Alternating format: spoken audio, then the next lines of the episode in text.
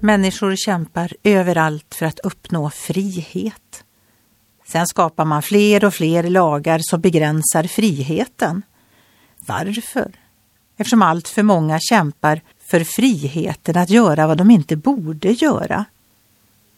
Då kan friheten leda till att vi hamnar i saker vi inte klarar av att hantera och för andra kan det leda till smärta och allt blir värre än vi trodde att det skulle bli.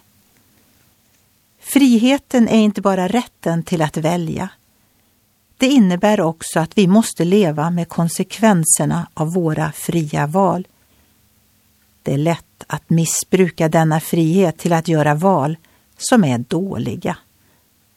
Verklig frihet är inte att befrias från alla förpliktelser eller ansvar. Frihet är att hitta det rätta ankarfästet i livet och orientera sig fritt utifrån det. Jesus Kristus talade mycket om frihet.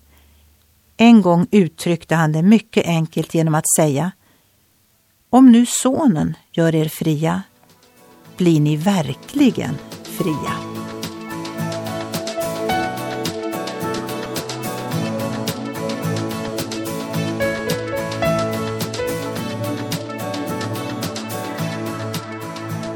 Ögonblick med Gud producerat av Marianne Källgren, Noria Sverige.